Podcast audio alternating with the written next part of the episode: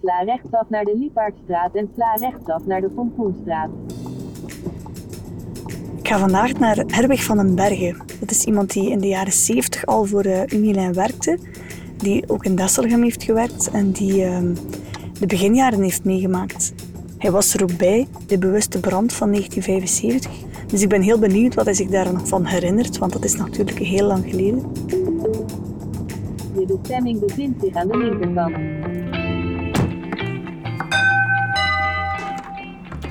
Goedendag. Hallo, hallo. Ja, welkom Wim. Dankjewel. Lieselot zeker? Hallo, Lieselot. Ja. Ja, ja, ja. Met je koffie? Die dakelement, dat ziende, dat is om op dak te leggen. Maar de onderkant, die, de kant van de hout, dat moest waterdicht gemaakt worden. En daarvoor hadden we een bak gemaakt met bitumen. En die bak werd opgewarmd met een gasbrander eronder. Maar er moet daar een, uh, een van die gasflessen een slechte aansluiting geweest en dat er een gasverlies was. En in één keer is die vlam van die brander overgeslagen op de gas. En ineens is toch heel het gebouw gebrand. Dat is ongelooflijk rap gegaan. Ik was er niet bij aanwezig, want we waren thuis bezig juist. En uh, de auto nog met uh, de kinderen erin, mijn vrouw erin. Ik was nog de sleutel gaan afgeven bij de gebuur. We stonden even te vertrekken naar Dardan. En ik zie in de verte een rook ook, pikzwart, oh la la, dat is niet juist. Ik wist direct dat dat niet goed was. Hè. En heel de veel, ja, er stond een brand. Ongelooflijk, ja. Stond te bledden. ja, dat worry. Ik zie dat u nog altijd aangrijpt. Ja, ja, ja, daar, ja, je zit er uh, mee bezig geweest. Ja. Maar er al werk is toch, dat was al een redelijke uh, productieeenheid. En uh, ja, ik heb een fiets gepakt en dan er gereden. Maar kon er niet bij. Heb dat heel erg brand. De mensen gaan gaan kijken. De brandweer kon bijna niet passeren. De straat stond vol. En ik ben al ja, op een redelijke afstand met een fiets blijven staan. Ja. En ook gevoeld dat hij. de rekkast zelf zei dat uh, niet goed is. Ik heb dat taxi invallen, die pilaren zien, die kolom, die metalen kolom, zien plooien en naar beneden komen. Verschrikkelijk, hè? Ja, dat is. Je kunt dat bijna niet geloven dat dat kan, hè? Zo'n hele stalen constructie, dat, dat zo kan uh, verfrommelen. Het was link verfrommeld, een stok papier verfrommeld. Je ziet dat erin vallen. Ja. Je begrijpt dat niet, dat dat niet mogelijk is, toch? Ja. En mensen in het bureau hebben eigenlijk lopen naar buiten om wat deur opging. Voor mensen zelf angst en toen content als ze eruit worden. Dat was een beetje een oplossing. We zijn er toch uitgeraakt, want het was echt nodig van rap buiten te zijn. Het is zeer rap gegaan. Van Herwig leer ik dat de brand ontstaat door een gasontploffing. Het gebouw is volledig ingevallen en de mensen moeten lopen voor hun leven. Daarover gaat aflevering 2 van Doordoen. Mijn naam is Lieselot Verdonk. Ik ga op zoek naar getuigen van de brand in 1975 in de Unilijn-fabriek in Desselgem. Mijn vraag is, hoe zie je in godsnaam achter zoveel jaar? Ah. Luc Catelin werkte zijn hele leven bij Unilijn.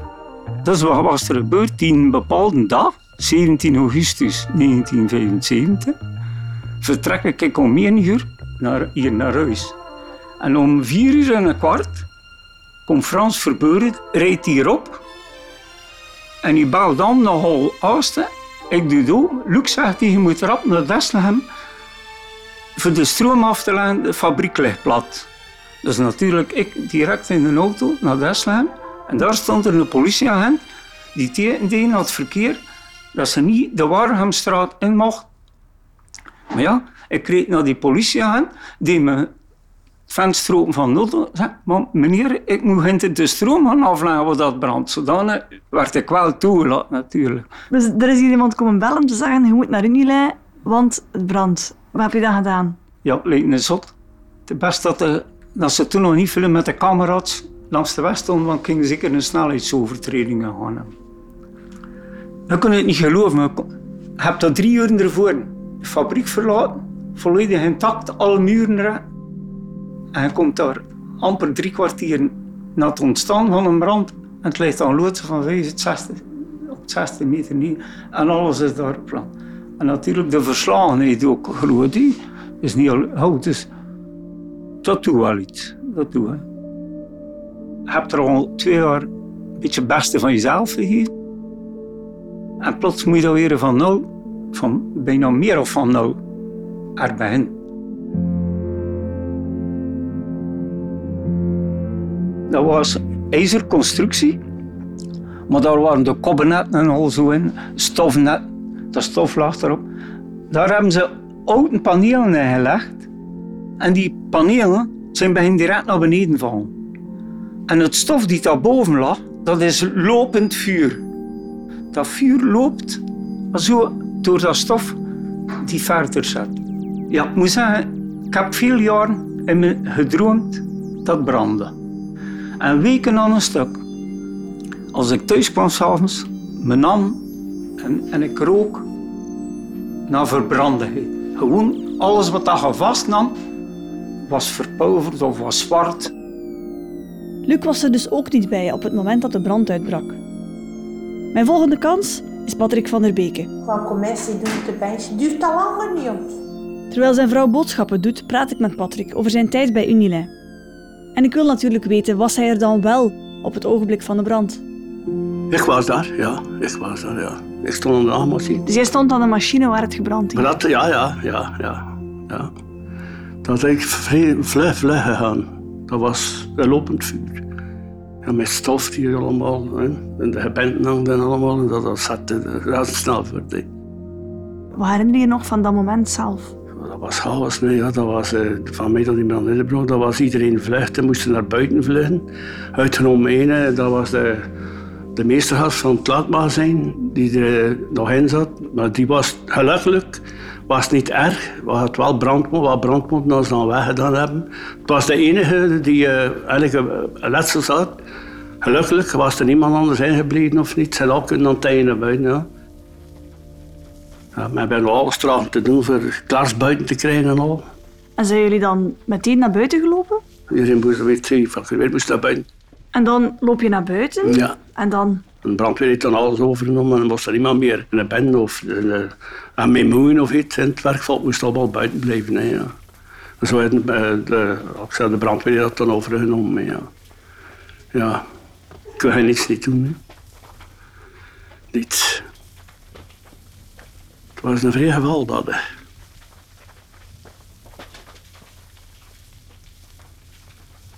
De geluiden die je hoort zijn echt.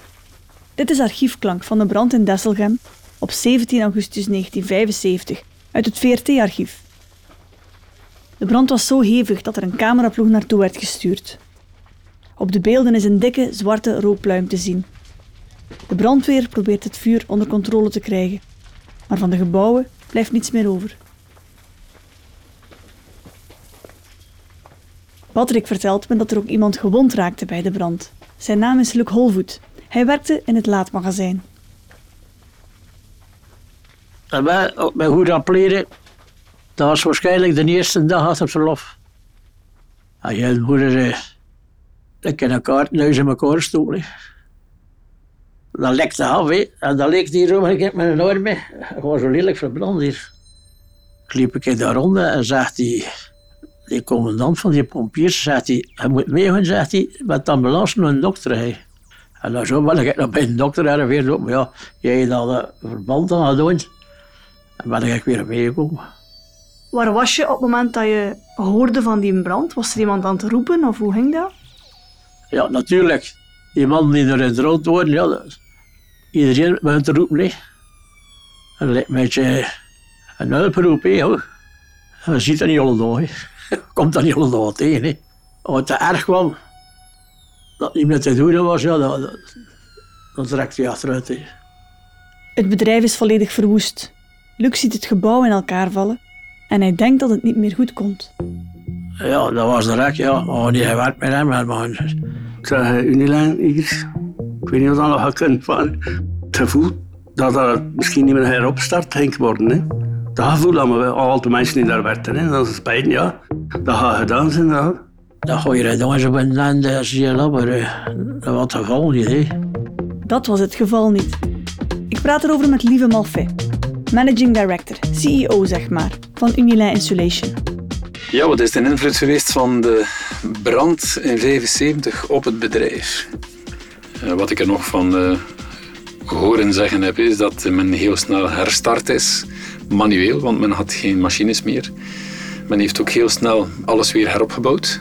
Het is ook wel een toonbeeld geweest van echt ondernemerschap voor het bedrijf. Dat is altijd wel een beetje zo gebleven. En alles wat wij eh, ook nadien in feite als bedrijf eh, gedaan hebben.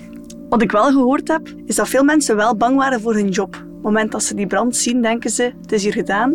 Maar enkele dagen daarna zijn ze eigenlijk alweer aan het werken. Ik kan me voorstellen, ik was er wel niet bij, maar dat men dat toen wel dacht. Hè. Als je hier inderdaad eh, met een paar tientallen mensen aan het werk bent en plots je ziet eh, alles in rook opgaan en zegt oei oei, dat zal hier gedaan zijn zeker. En in principe zou dat gekund hebben. Maar ik denk eh, niet bij Unilin, als men ergens in gelooft, eh, dan zal men niet opgeven door zo'n tegenslag. Integendeel, ik denk dat zelfs de week nadien reeds iedereen nog harder aan het werken was dan voorheen. Dus, uh, en dat is dan ook zo gebleken. Ik denk niet dat dat in de, in de woordenboek staat van Unilin, opgeven. Dat denk ik niet. Doordoen, nooit opgeven, dat staat zeker wel hoog in het vaandel van heel wat Unilin-mensen. Daar ben ik van overtuigd. We waren direct uh, van Sanderdas al in de weer om toch maar elementen te kunnen maken. De ene kant van het gebouw was nog vrijwaard en daar heb ik dan provisorisch met de hand dakelementen gemaakt. En ondertussen, de mechanieker en ik, hadden we zo voorlopig iets, een soort machientje, waar als de lattenkosten inleggen in vier baantjes, die plaat erop leggen en met pneumatische schieters, like dan de timmermans hebben, om de 15 centimeter, tjak, pak, pak, zo schieten. Dag en nacht hebben we daar gewerkt. Zaterdag, zondag. Altijd dat de platen weg moesten. We waren met de van de partij. En dat was ja, met de hand, dat ging niet fliffen. Nee, maar ja, toch. Dus manueel de latten opleggen, manueel platen afvoeren, alles manueel. Om toch maar te kunnen leveren wat dat er gevraagd was. Hè. En een camion per dag cirkels met me. Dat was ook nog heel spektakel. Zeg. Maar tegen dat die camions klaar worden, dat was avond. Hè. En als die mensen naar huis gingen, dan kon ik bij loon. Hè. Dit was aflevering 2 van Doordoen, een podcast van Unilin Insulation. In de volgende aflevering hebben we het over overnames. Groeien als bedrijf door concurrenten over te nemen. Niemand wil zijn baan verliezen, dus dat is wel best spannend. Wat is men van plan? Wat ik heb gezien, tot twee keer toe, dat er echt lijsten bestaan van die moet je houden en die moet je kwijtraken. En dan moet je op de goede kant staan, dat heeft er wel voordeel op.